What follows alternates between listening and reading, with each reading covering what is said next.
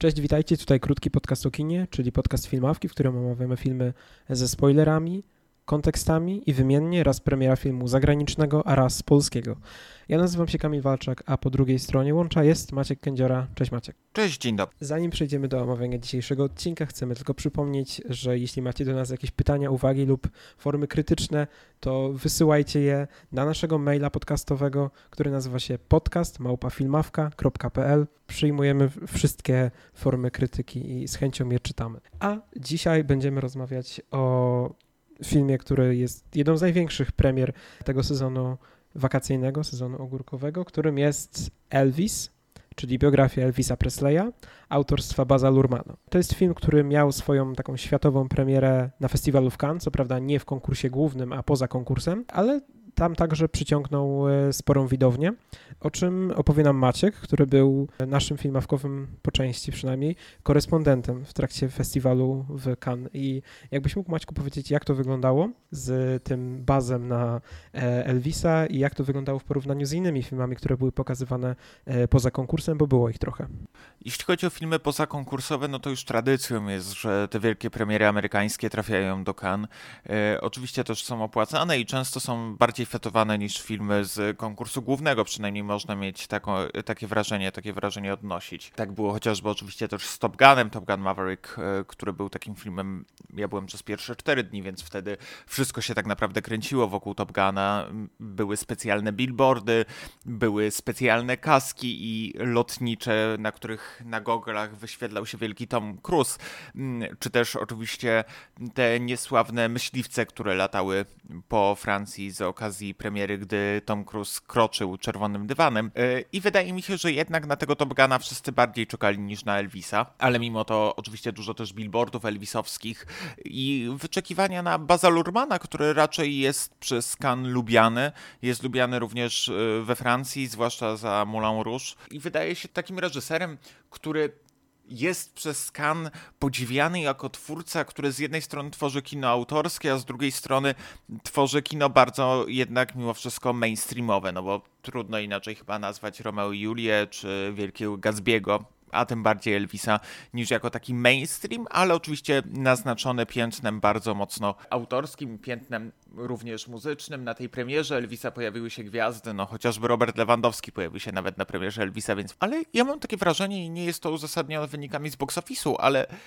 że jednak ten Elvis, mimo tego, że był bardzo wyczekiwanym filmem, nie jest aż tak wielkim hitem, a przynajmniej nie jest aż tak szeroko dyskutowany już teraz, już u nas, już w Polsce. Nie ma jakiejś wielkiej dyskusji wokół Elvisa, w przeciwieństwie do innych filmów Lurmana, no bo wydaje mi się, że jednak Wielki Gatsby był trochę szerzej dyskutowany, trochę szerzej odbierany niż właśnie Elvis, ale to może oczywiście być też wina mojej bańki w mojej bańce, którą stworzyłem wchodząc na różne wywiady na YouTubie, wynika, że jest baz na Baza Lurmana e, i na jego film, ale może to też wynika z tego, że jest ten baz w bańce amerykańskiej, bo wydaje mi się, że to jest film, który w sezonie nagród e, powalczy o E, parę tytułów. Austin Butler jest bardzo, bardzo chwalony we wszystkich portalach, jakie zdołałem e, znaleźć.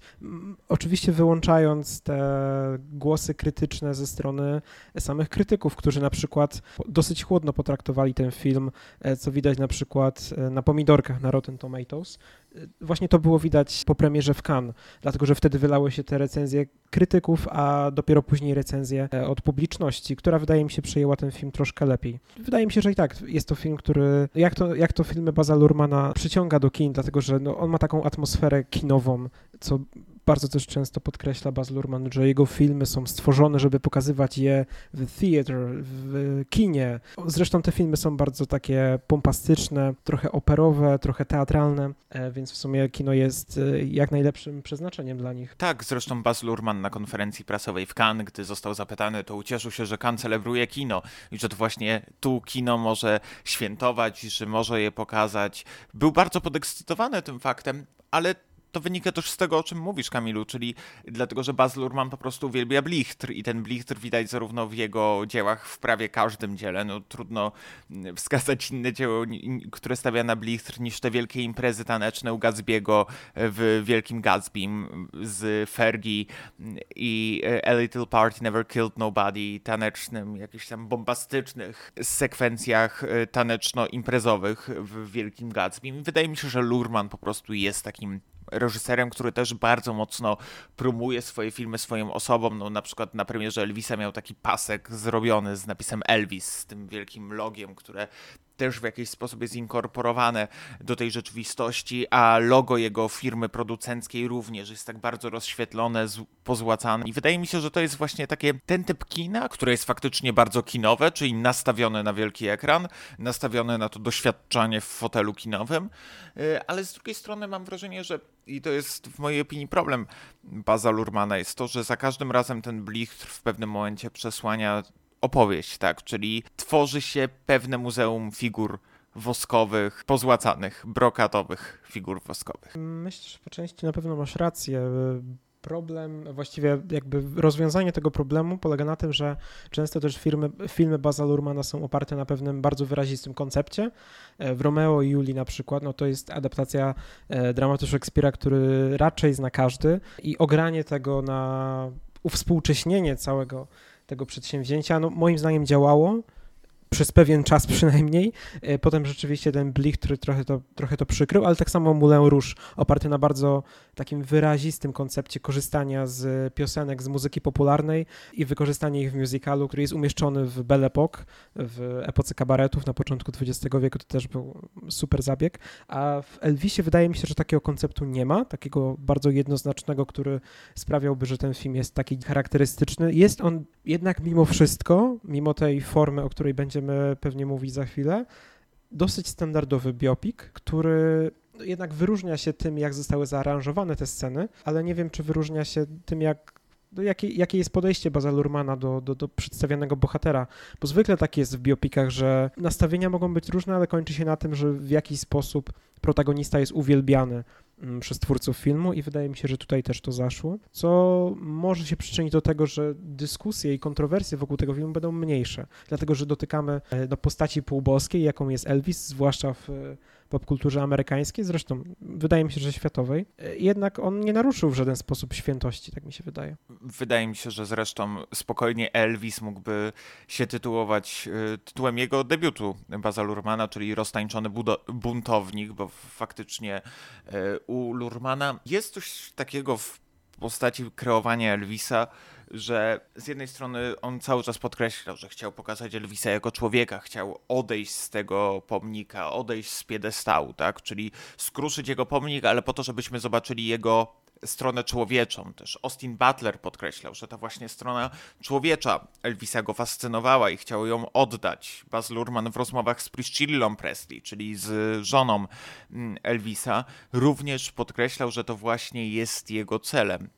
Problem w takim, że mam wrażenie, że jednak zostaliśmy po prostu z roztańczonym buntownikiem, a nie z postacią za tańczącym Presleyem, za, za tą ikoną muzyczną, ale pozwolę sobie streścić fabułę, żebyśmy byli na bieżąco, albo żebyście wy słuchając, mimo tego, że spoilerujemy, mogli sobie ją na szybko przypomnieć. Oczywiście e, Elvisa oglądamy za pośrednictwem oczu kolonela Parkera, czyli pułkownika, rzekomego pułkownika, jak się okazuje, w filmie, w którego wciela się Tom Hanks, który pod charakteryzacją, tonami charakteryzacji i równie mocnym akcentem, który wyrabia sobie przez cały film, opowiada historię Presleya.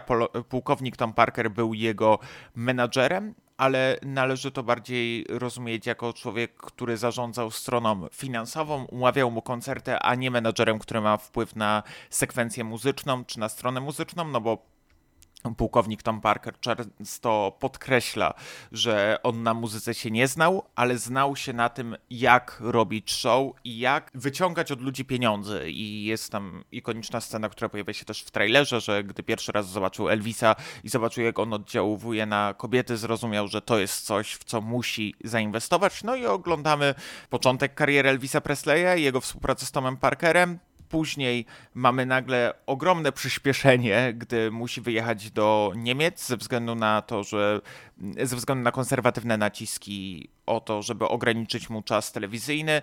Pomijamy prawie całkowicie jego karierę w Hollywood, poza takim krótkim montażem i wracamy w roku 68, kiedy Elvis produkuje swój comeback show, y, czyli najchętniej w tamtym sezonie oglądany program y, telewizyjny, który miał być gwiazdkowy, ale wiadomo jak wyszło. Elvis się zbuntował i zaczął grać swoje hity. No i później trzeci akt to jest historia Elvisa w kasynie czyli ostatnie lata jego y, twórczości, moment tak naprawdę upadku jego twórczości, upadku również jego jako człowieka, gdy zaczął przekonywać z własnymi demonami, będąc uwięzionym w Las Vegas, grając prawie że codzienne koncerty, które go wycieńczały i powodowały, że nie miał już siły, nie miał już chęci, zaczął się zatracać w swoim życiu, będąc uzależniony od medykamentów. I to są tak naprawdę typowa chyba droga biopicowa, ale oczywiście też uwarunkowana tym, jak wyglądała biografia Elvisa Presleya. Można zawsze potoczyć y, biografię dwoma ścieżkami. Z jednej strony zrobić coś, co w ostatnich latach robiło chociażby Bohemian Rhapsody i co robi Elvis, czyli przejść przez całą karierę danego twórcy, okraszając to tymi najbardziej znanymi hitami. Z drugiej strony można uważam, i to uważam, że jest znacznie ciekawszym podejściem, zrobić to, co wydarzyło się w Rocketmanie, czyli wykorzystać jakiś kolej konkretny fragment twórczości danego artysty, opowiedzieć pewien element jego życia, tak jak było w przypadku musicalu o Eltonie Johnie, który uważam, że jest jednym z najciekawszych i być może najlepszym filmem biograficznym, ale też dlatego, że jest filmem musicalowym, bardzo wyzwolonym z formy. Nie wiem, jak ty uważasz, Kamilu, w które ty tropy byś podążał, czy, czy taki fresk, y, próba holistycznego uchwycenia Elvisa ci imponowała, czy jednak wolałbyś, żeby na którymś, a, któryś akt się stał całym filmem, w tym kontekście, że byłby bardziej rozbudowany i pozwoliłby nam odkryć Elvisa jeszcze lepiej? E, to znaczy na pewno ta forma, ta pierwsza forma, o której mówiłeś, to znaczy próba opowiedzenia całościowego jest no, o tyle skomplikowana, że ona się zwykle wywraca i albo często potyka się o własne nogi i, i tak samo jest w przypadku Elvisa. E, to znaczy przypadek Baza Lurmana polega na tym, że jego filmy są bardzo elektryczne, naelektryzowane. One rzeczywiście pobudzają, zwłaszcza na samym początku, kiedy zostajemy znajomieni po raz pierwszy z jego konceptami, z tym, w jaki sposób montuje swoje filmy, e, czy w ogóle jak wygląda tam montaż ale to się rozjeżdża, dlatego że film trwa 2,5 godziny.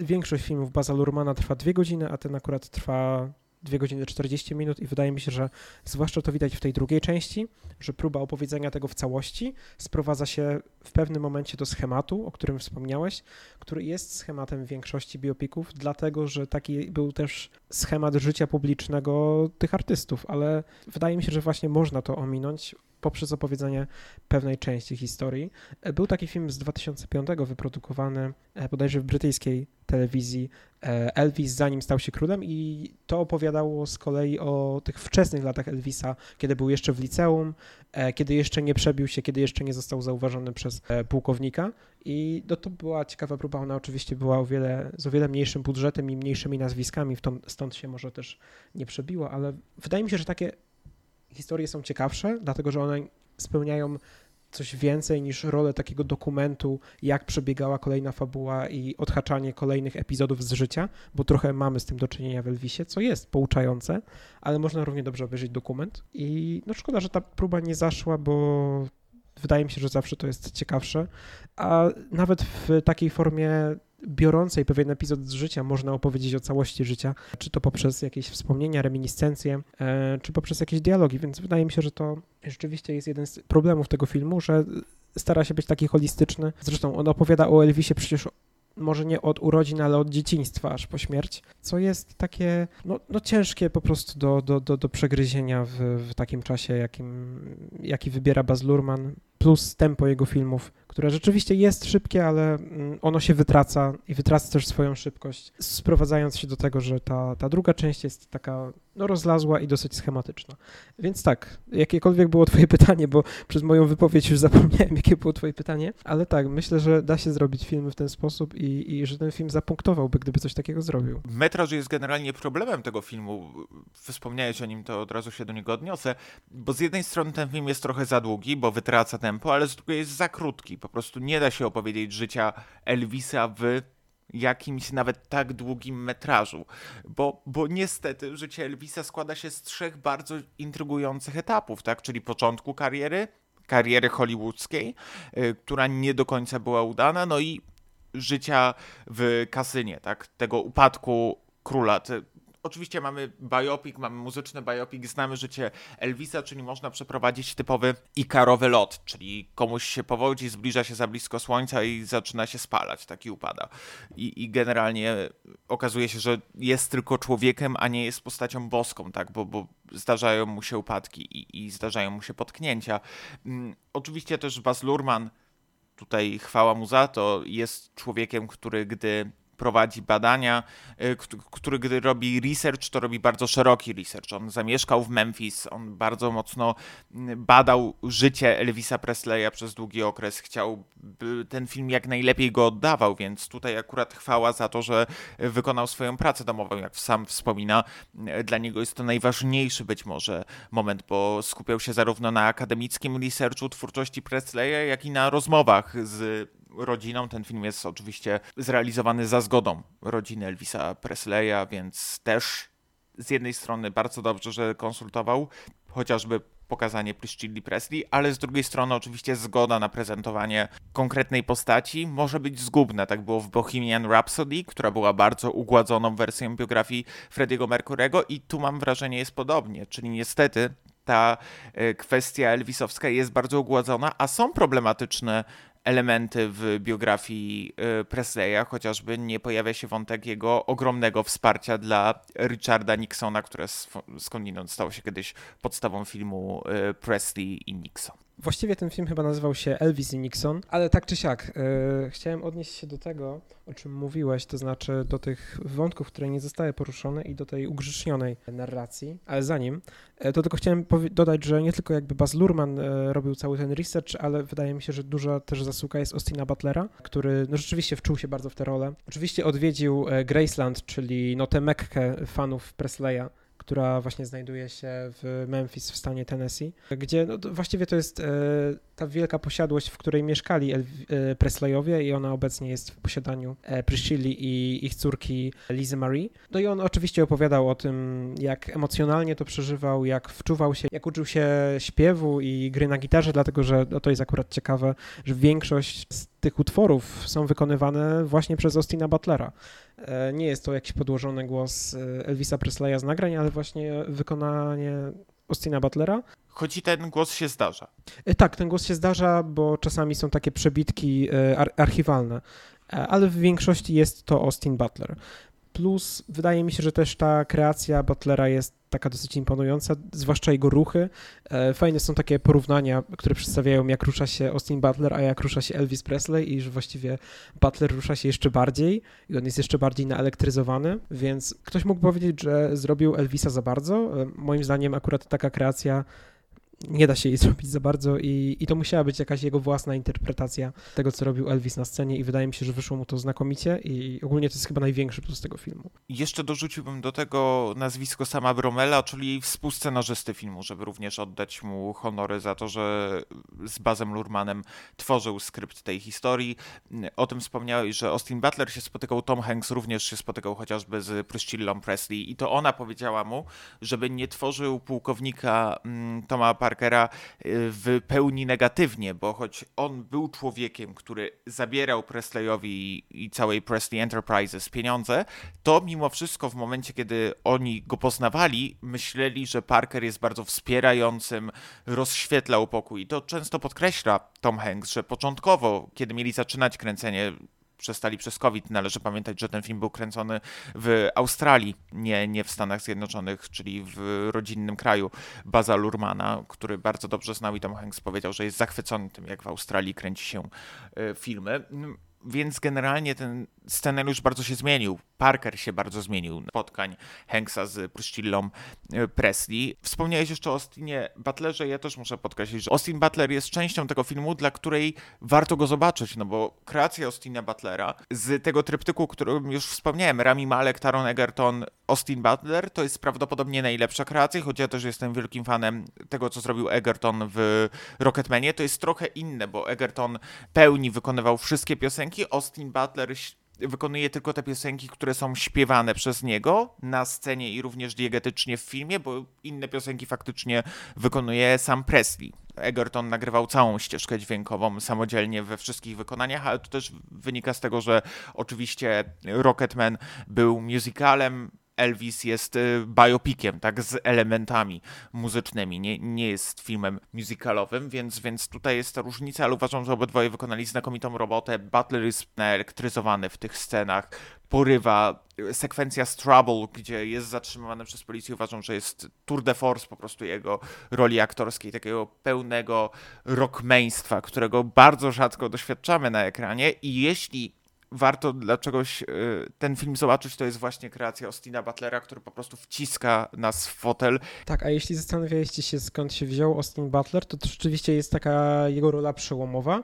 On ma właściwie tylko 30 lat, więc zwykle jest to jedna z takich ścieżek, które podejmują aktorzy, że udaje im się dostać na casting e, i na rolę jakiegoś wielkiego muzyka, wielkiej postaci historycznej e, i w ten sposób się przebijają i wydaje mi się, że taki kazus też spotkał Stina Butlera, a on się wziął, ja sobie właśnie to przypomniałem, e, bo sprawdziłem, on grał, może ktoś z was kojarzy, w Boskiej Przygodzie Sharpay z Ashley Tisdale przed 11 laty i on grał tego chłopaka Ashley Tisdale. I ja właściwie tylko stąd go bym mógł pamiętać, a tak to nie, nie, kojarzę go za bardzo. On się pojawiał e, w niektórych serialach amerykańskich, ale rzeczywiście nie w aż tak mainstreamowym projekcie e, jak teraz. Ale wracając do, do tego wcześniejszego wątku, o tych problematycznych wątkach, no to jest coś, o czym mówiliśmy przed rozpoczęciem nagrania e, i coś, czego nie podejmuje film z wiadomych powodów, to znaczy kiedy Elvis poznał Priscilla, no to była od niego 10 lat młodsza. I ten film zupełnie tego tak nie przedstawia, znaczy przedstawia ją jako nastolatkę, czy nawet dwudziestolatkę, no bo przedstawienie jej jako czternastolatki byłoby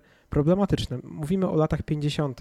E, i to akurat jest taka emigracja wojskowa, tak to nazwijmy w Niemczech, ale tak czy siak jest to problematyczne, nie da się tego przedstawić w filmie bez, e, bezproblemowo, a myślę, że tutaj też e, miał swój udział właśnie to zaangażowanie Priscilli. No mamy do czynienia, mamy do czynienia z groomingiem, nie, nie, nie da się ukryć, no Elvis Presley był groomerem, no oczywiście można powiedzieć, że to były inne czasy, co nie zmienia faktu, że jeśli tworzymy film współcześnie, to mam wrażenie, że jednak nie sposób usprawiedliwiać wszystkiego, co się dzieje współcześnie przez to, że to były inne czasy, tak? No, musimy robić filmy również retrokrytycznie. To, to jest mój zarzut do Baza Lurmana, że on do Elvisa podchodzi bardzo bałwochwalczo momentami, bo ten Elvis, y, można mieć wrażenie, jest największym lewicowcem, jaki istnieje, a to nie jest prawda. Elvis był ogromnym liberałem. Y, też oczywiście niby są pokazane zdrady Elvisa Presleya, ale ilokrotnie są pokazane te zdrady Elvisa Presleya.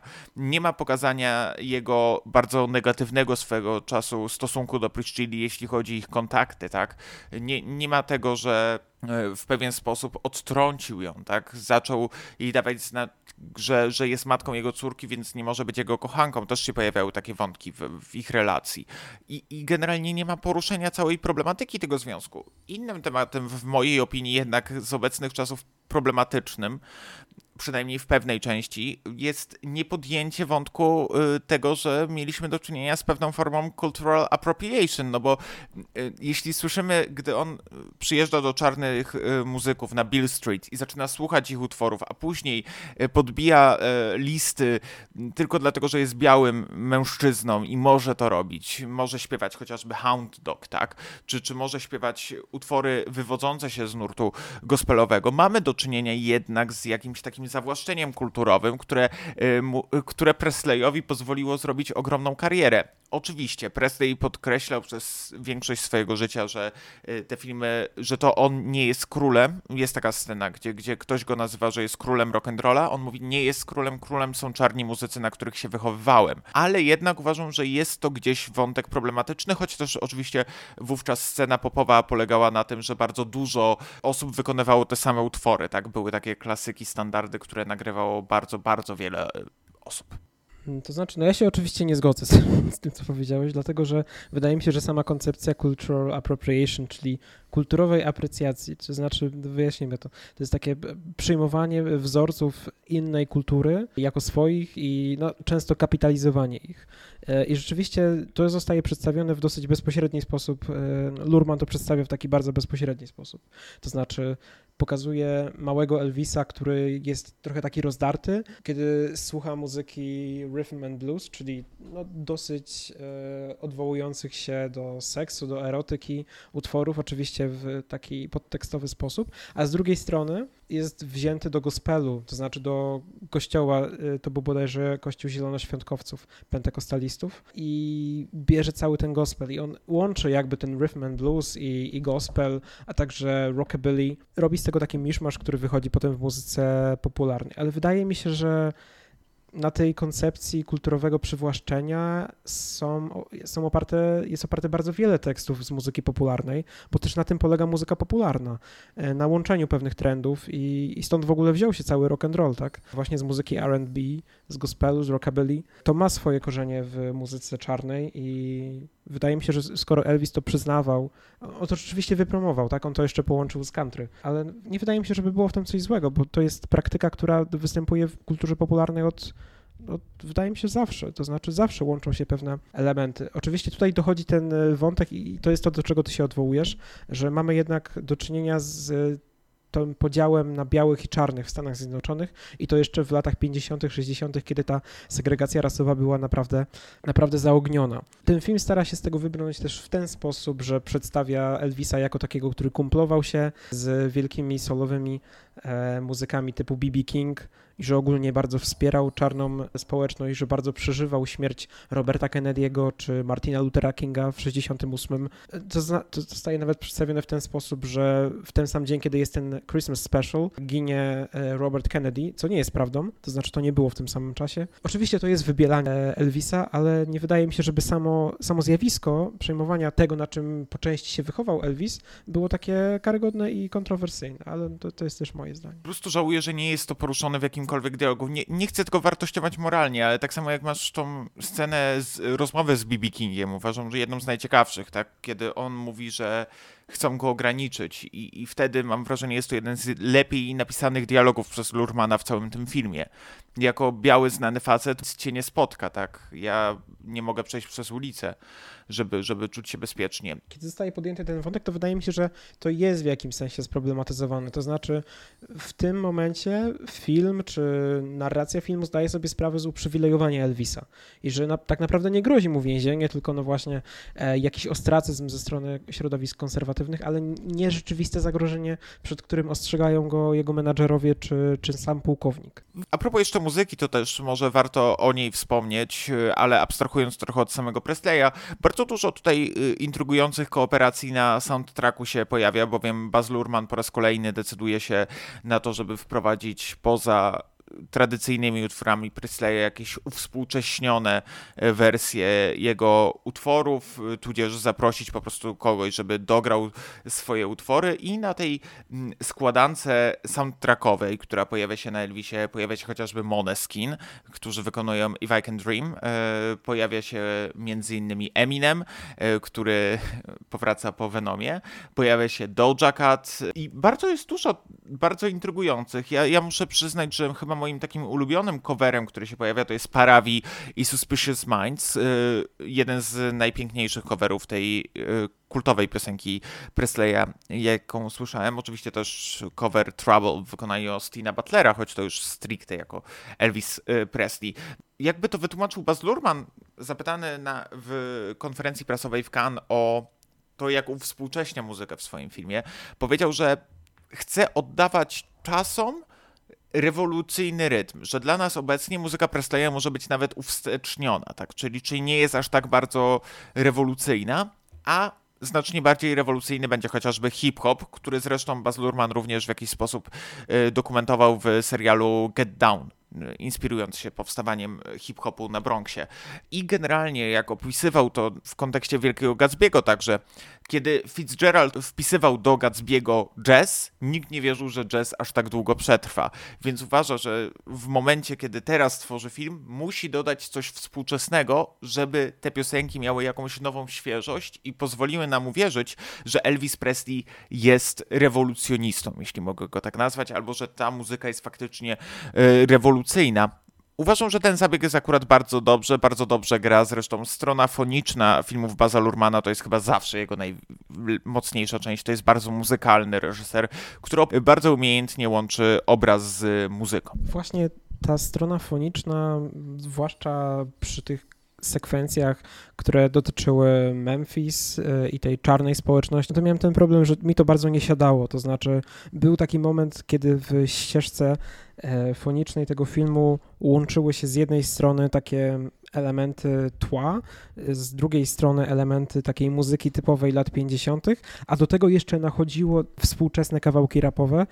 To, to oczywiście były takie drobne przebitki, one trwały kilka sekund, ale one mi bardzo wybijały, dlatego że strasznie na siebie nachodziły różne ścieżki dźwiękowe i o ile na papierze to wygląda dobrze, to znaczy rzeczywiście to jest ta muzyka rewolucyjna, a już nie soul, R&B czy rockabilly, ale kurczę, nałożenie tego na siebie jednak strasznie mi się gryzło, ale oczywiście to były tylko te elementy z pierwszej godziny tego filmu, kiedy film stara się trochę przeprowadzić taką genealogię Elvisa i skąd pochodzi ta muzyka, którą on będzie tworzył, ale to, to tylko taka uwaga, że, że mi to nie podeszło. Jako elementy promujące ten film są nawet spoko, to znaczy ten utwór e, Eminema Kings and I, King and I, e, który jest jakby z podłożonym Jailhouse Rock e, w tle, jest specyficzny, jak, jak, jak, jak w sumie wszystkie ostatnie kawałki Eminema, ale wydaje mi się, że te, te covery też się dobrze sprawdzają jako elementy właśnie promujące ten film, bo ja ich nie słyszałem w filmie i one chyba nie mają mieć tam miejsca, ale właśnie jako taka promocja, e, czy jak zostanie wydana ścieżka dźwiękowa, e, to tam też e, można tego odsłuchiwać. Zresztą wspomniałeś o Jailhouse Rock. To jest bardzo ciekawe, że Jailhouse Rock się nie pojawia na przykład na ścieżce dźwiękowej tego filmu. Elvis nie wykonuje. Mam wrażenie, że to jest jeden z jego najbardziej znanych utworów, ale być może to jest związane także z tym, że Jailhouse Rock pojawia się w filmie Jailhouse Rock, choć do teraz pamiętamy głównie e, jego wątek muzyczny, to też pominięcie, mam wrażenie, jednak tego wątku hollywoodzkich ról Presleya. W sensie, mimo tego, że Presley tak często podkreśla że chce być aktorem, tak pojawia się ten wątek wracający, że chce być Jamesem Deanem, e, takim bardzo chropowatym głosem, który przez cały czas, e, którym przez cały czas operuje Austin Butler w tym filmie. Mam, mam jednak poczucie, że ten wątek aktorski bardzo mocno jest przebrzmiały, w sensie ucieka, bardzo mocno umyka w tym filmie, a jednak jest bardzo intrygujący, no jest filmowy, tak, no, no, trudno w filmie pominąć ten wątek aktorski, być może chodziło o prawa, o to, że Baz Luhrmann nie miał praw do tego, żeby wykorzystywać chociażby nawet nie tyle fragmentów, co odgrywać konkretne sekwencje z, z danych dzieł kultury. Też y, oczywiście Trouble było chociażby taką bardzo ważną piosenką w najlepszym filmie z Elvisem Presleyem, czyli King Creole y, z roku 1958, y, w filmie, w którym Presley gra, y, no i Trouble jest też najlepszą sceną w samym Elvisie, e, o czym już wspomniałem, bo jestem po prostu tą sekwencją zachwycony i, i uważam, że jest najlepszym sekw najlepszą sekwencją w karierze Basa Lurmana. E, to, to, to odważna deklaracja. E, ja, ja, bym tak nie powiedział. Ale wydaje mi się, że ten wątek został pominięty jakby z takim efektem, ja to przynajmniej tak odczułem, który wyolbrzymił, właściwie uwypuklił to, jak bardzo Elvis był zawiedziony tym swoim okresem. Bo to widać oczywiście na takim urywku, kiedy mamy tę sekwencję, która właściwie pojawia się między e, tym jego wyjazdem w Niemczech i jego powrotem, a potem jego powrotem jeszcze w 68, to mamy taką stagnację wśród Elvisa, jego rodziny, e, pułkownika i kiedy on zdaje sobie sprawę, że tak naprawdę to, co chciał zrobić, już się nigdy nie stanie. Po części wydaje mi się, że Baz Luhrmann chciał nam oszczędzić tego epizodu. Trudno byłoby go wypromować jako coś, co zbudowało Elvisa w dalszym ciągu. Wydaje się, że to był bardziej taki e, środkowy upadek Elvisa, który jednak stracił to jedno marzenie i e, bardziej zaangażował się w to marzenie, żeby po prostu realizować się na scenie i realizować swoje show. W sensie ja to po prostu odebrałem, że ta wypustka jest w jakiś sposób znacząca i że też ona pokazuje taki wymiar emocjonalny, że tego też brakowało Elvisowi. Choć też zdaniem niektórych krytyków tutaj powołuje się na Marka Kermouda, który często się w naszym podcaście pojawia, Elvis nie był złym aktorem i to należy też pamiętać, że dostawał złe propozycje filmowe, ale jego sama rola aktorska nie była zła, miał charyzmę i można żałować, że Colonel Parker odmówił Barbarze Streisand roli w Narodzinach Gwiazdy z roku 1974. Ten wątek pojawia się niejako w samym filmie, gdzie, gdzie Elvis by pasował do tej roli wypalonej gwiazdy, ale też dlatego, że Elvis byłby prawdopodobnie dobrym aktorem to być może mogłoby mu nadać jakiś kolejny impuls do tworzenia, tak? Bo, bo być może by tego potrzebował, to byłby kolejny Redemption Show, a wiadomo, że jeśli chodzi o te powroty, to Elvis był znakomity, jak już wspomniałem, comeback show z roku 68 był mm, prawdziwą furorą. Zresztą e, ten comeback show stanowi bardzo również ważną część e, fabularną e, całego filmu, no bo przynajmniej ja mam takie wrażenie. Baz Luhrmann ma jeden bardzo ważny problem z Elvisem i tego mu ni niestety nie jestem w stanie wybaczyć. Tak jak zachwycają mnie sekwencje koncertowe w tym filmie, to niestety uważam, że ten film bardzo ich potrzebuje, bo to, co jest pomiędzy konkretnymi sekwencjami koncertowymi, kiedy mamy tego naelektryzowanego Austina Butlera, tej pierwszej sekwencji wręcz orgazmu na e, scenie koncertowej, tego zbliżenia na krocze Butlera, które się cały czas pojawia, rozdygotane łydki, te, te odruch publiczności, która zaczyna wstawać, dochodzi do ekstazy. Zresztą należy pamiętać, że w tych kościołach protestanckich, chociażby zielonoświątkowych, muzyka się przeżywa bardzo cieleśnie, tak wchodzi się w jakiś taki trans. To samo pojawiło się ostatnio w filmie Respect o Aricie Franklin, w którą się wciela Jennifer Hudson, czyli takie wręcz cielesne, dochodzenie ekstatyczne do, do tego, że muzyka nami przejmuje naszym ciałem i wchodzimy w jakiś trans. I to samo się dzieje na scenach w tym filmie. Te, te sekwencje koncertowe są zresztą zrobione tak, że faktycznie ta publiczność przychodziła, a Butler, jak podkreśla, grał po prostu dla nich koncerty, żeby ich naelektryzować, żeby ten Elvis wybrzmiał i żeby się razem bawić, więc, więc faktycznie to czuć, czuć w tych energię. Tylko niestety to, co jest pomiędzy, strasznie się rozjeżdża, bo okazuje się, że ten film wytraca energetycznie tą energię energię koncertów i podobnie jak Elvis, ten film potrzebuje koncertów, by żyć, bo niestety to, co jest pomiędzy, nie ma w tym, nie ma w tym ludzi. No, w Elvisie nie ma człowieka, w Parkerze nie ma człowieka, bo jest ukryty pod charakteryzacją, która spoczywa na twarzy Toma Hanksa.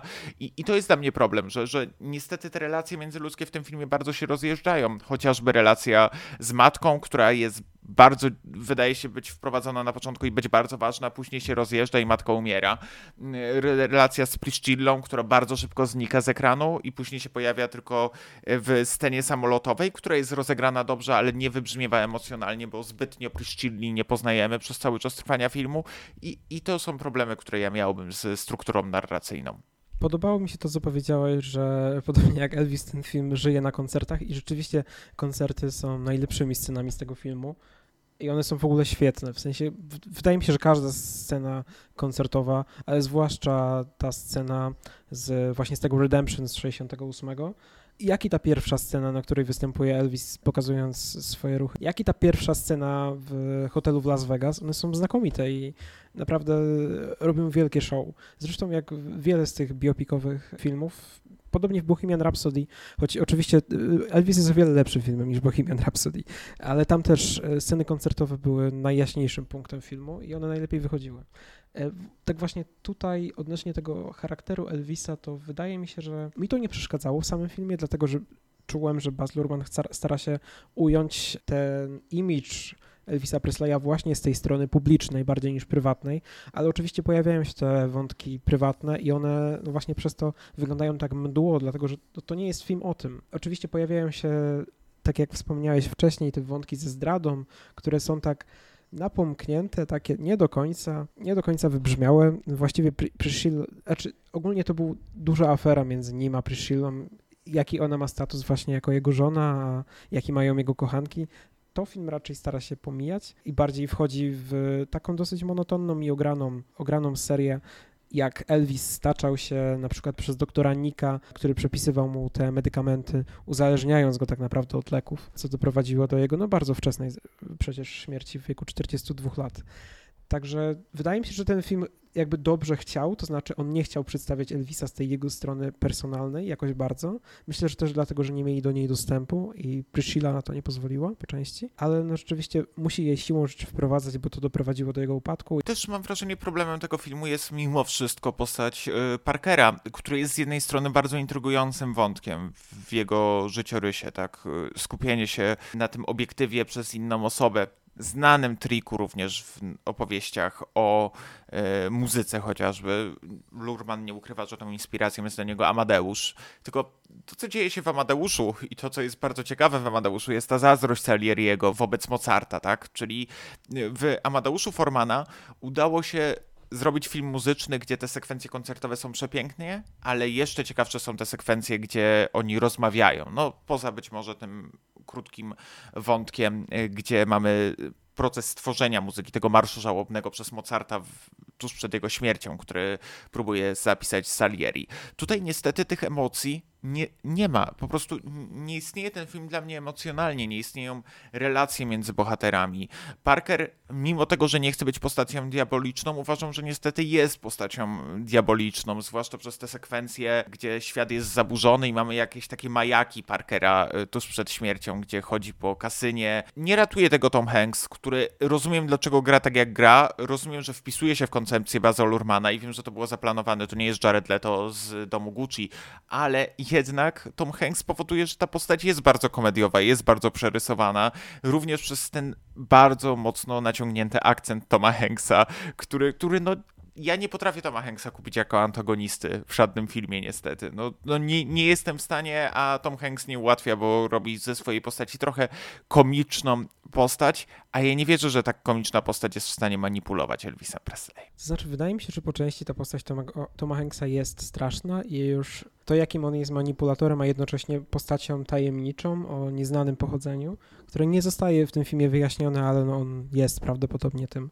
holenderskim emigrantem, tylko nie, nie wiadomo właściwie do końca, czym się wcześniej zajmował to wydaje mi się on postacią właśnie trochę straszną przez to, że gra go Tom Hanks i gra go w takiej odwróconej roli, dlatego że pamiętam takie debaty sprzed paru lat w internecie, czy Tom Hanks mógłby zagrać e, postać, która jest negatywna, czego Tom Hanks dał ostateczny dowód właśnie A Beautiful Day in the Neighborhood, kiedy grał no, przesympatyczną postać, jaką był pan Rogers. A tutaj mamy zupełne odwrócenie, kiedy Tom Hanks próbuje swoich sił w takiej roli, no dosyć negatywnej, bez względu na to, co mówi Priscilla, to jest postać no demoniczna jak najbardziej, to znaczy ja bym nie usprawiedliwiał nawet za bardzo tych akcji, które podejmuje Tom Parker, bo one wydają się po prostu akcjami manipulatora, który, no jak to zostaje też pokazane w filmie, ściągał właściwie połowę tego, co zarobił Elvis na koncertach, dlatego że on uważał, że to Elvis zarabia połowę tego, co on mu daje z koncertów.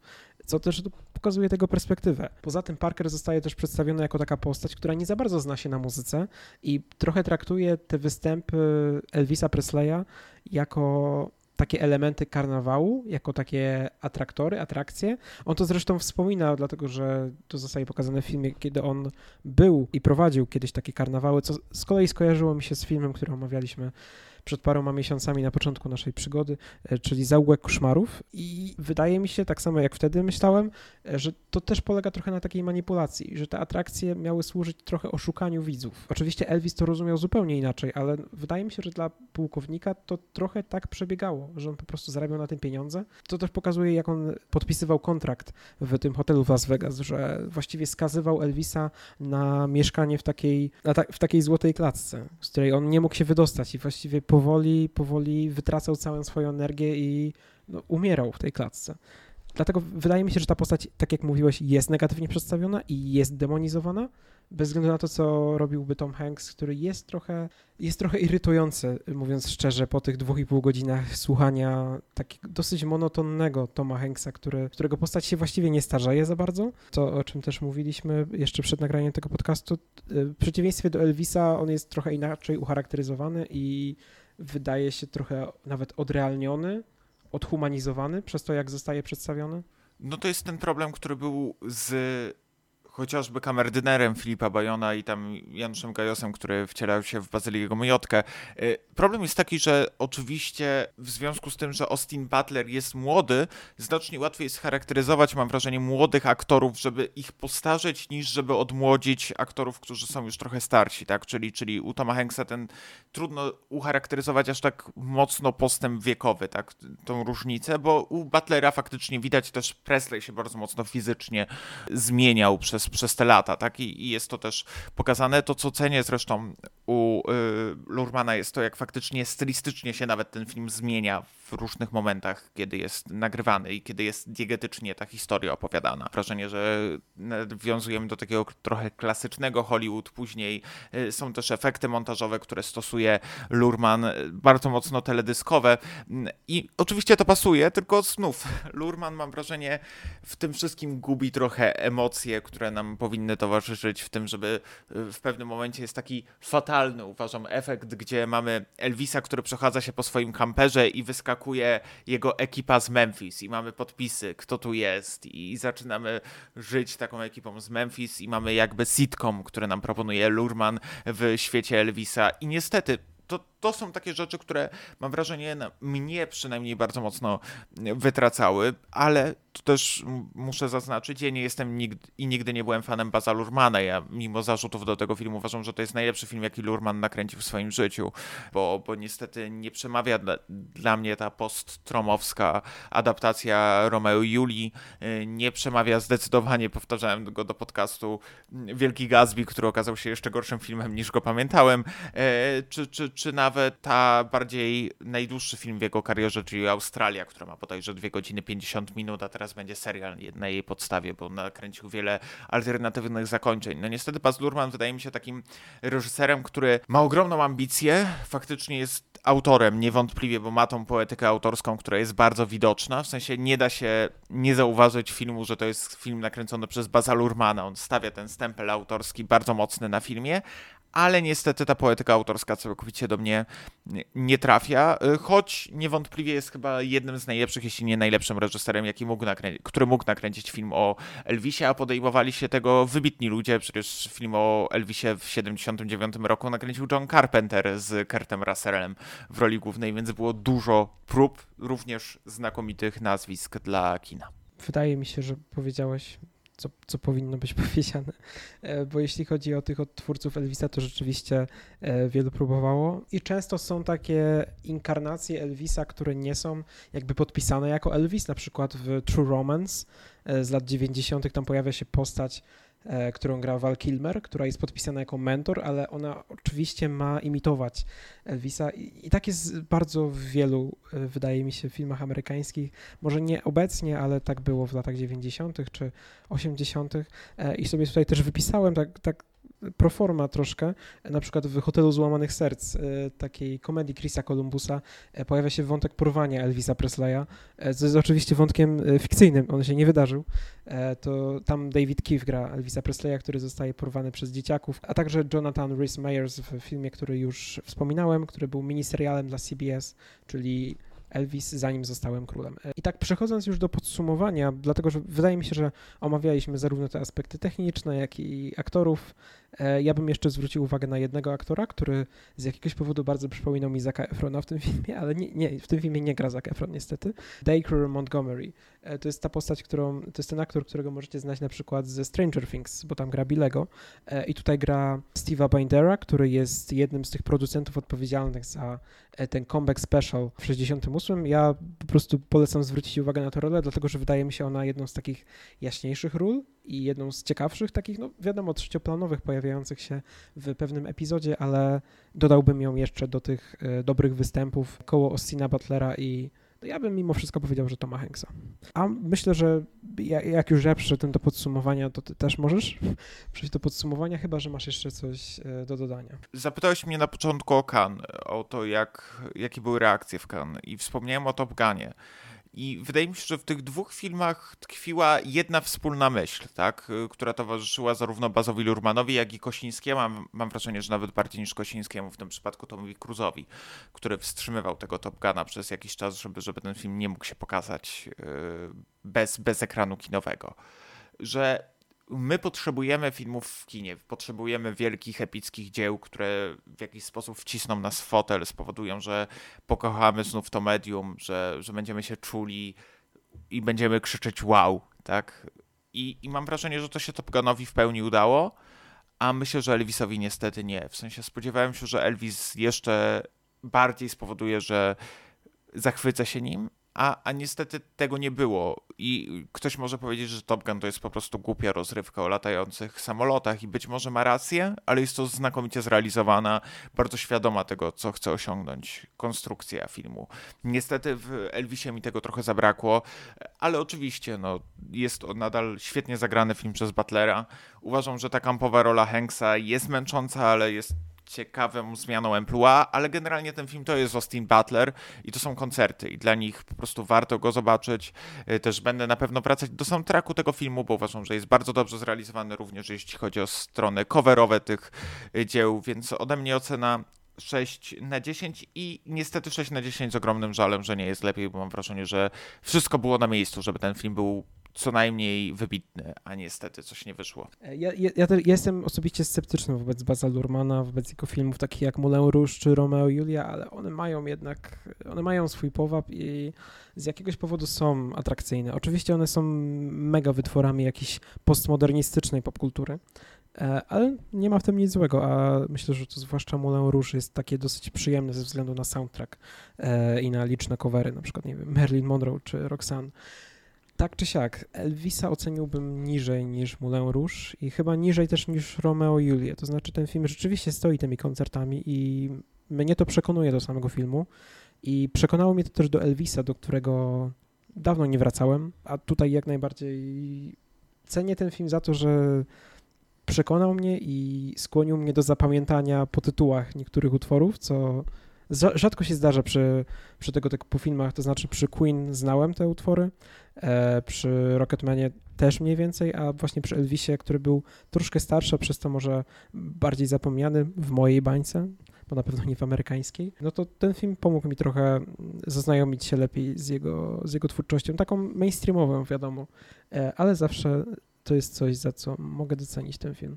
Tak czy siak e, ode mnie też to będzie ocena 6 na 10, e, choć może to tak nie wybrzmiało, to znaczy czuję, że ja tego filmu bardziej broniłem, e, a mimo, mimo, że podobał mi się tak podobnie dosyć jak do Maćka, ale tak czy siak wydaje mi się, że jest to film, na który warto się wybrać i do którego również będę wracał pod względem ścieżki dźwiękowej i będę czekał, co czeka Austina Butlera. A tak czy siak za dzisiejszy odcinek dziękujemy. E, ja nazywam się Kamil Walczak, a po drugiej stronie był Maciek Kędziora. Dzięki. E, miło było, że nas słuchaliście. Jeśli macie jakieś uwagi, to odsyłam jeszcze raz e, do maila i wszystkiego dobrego.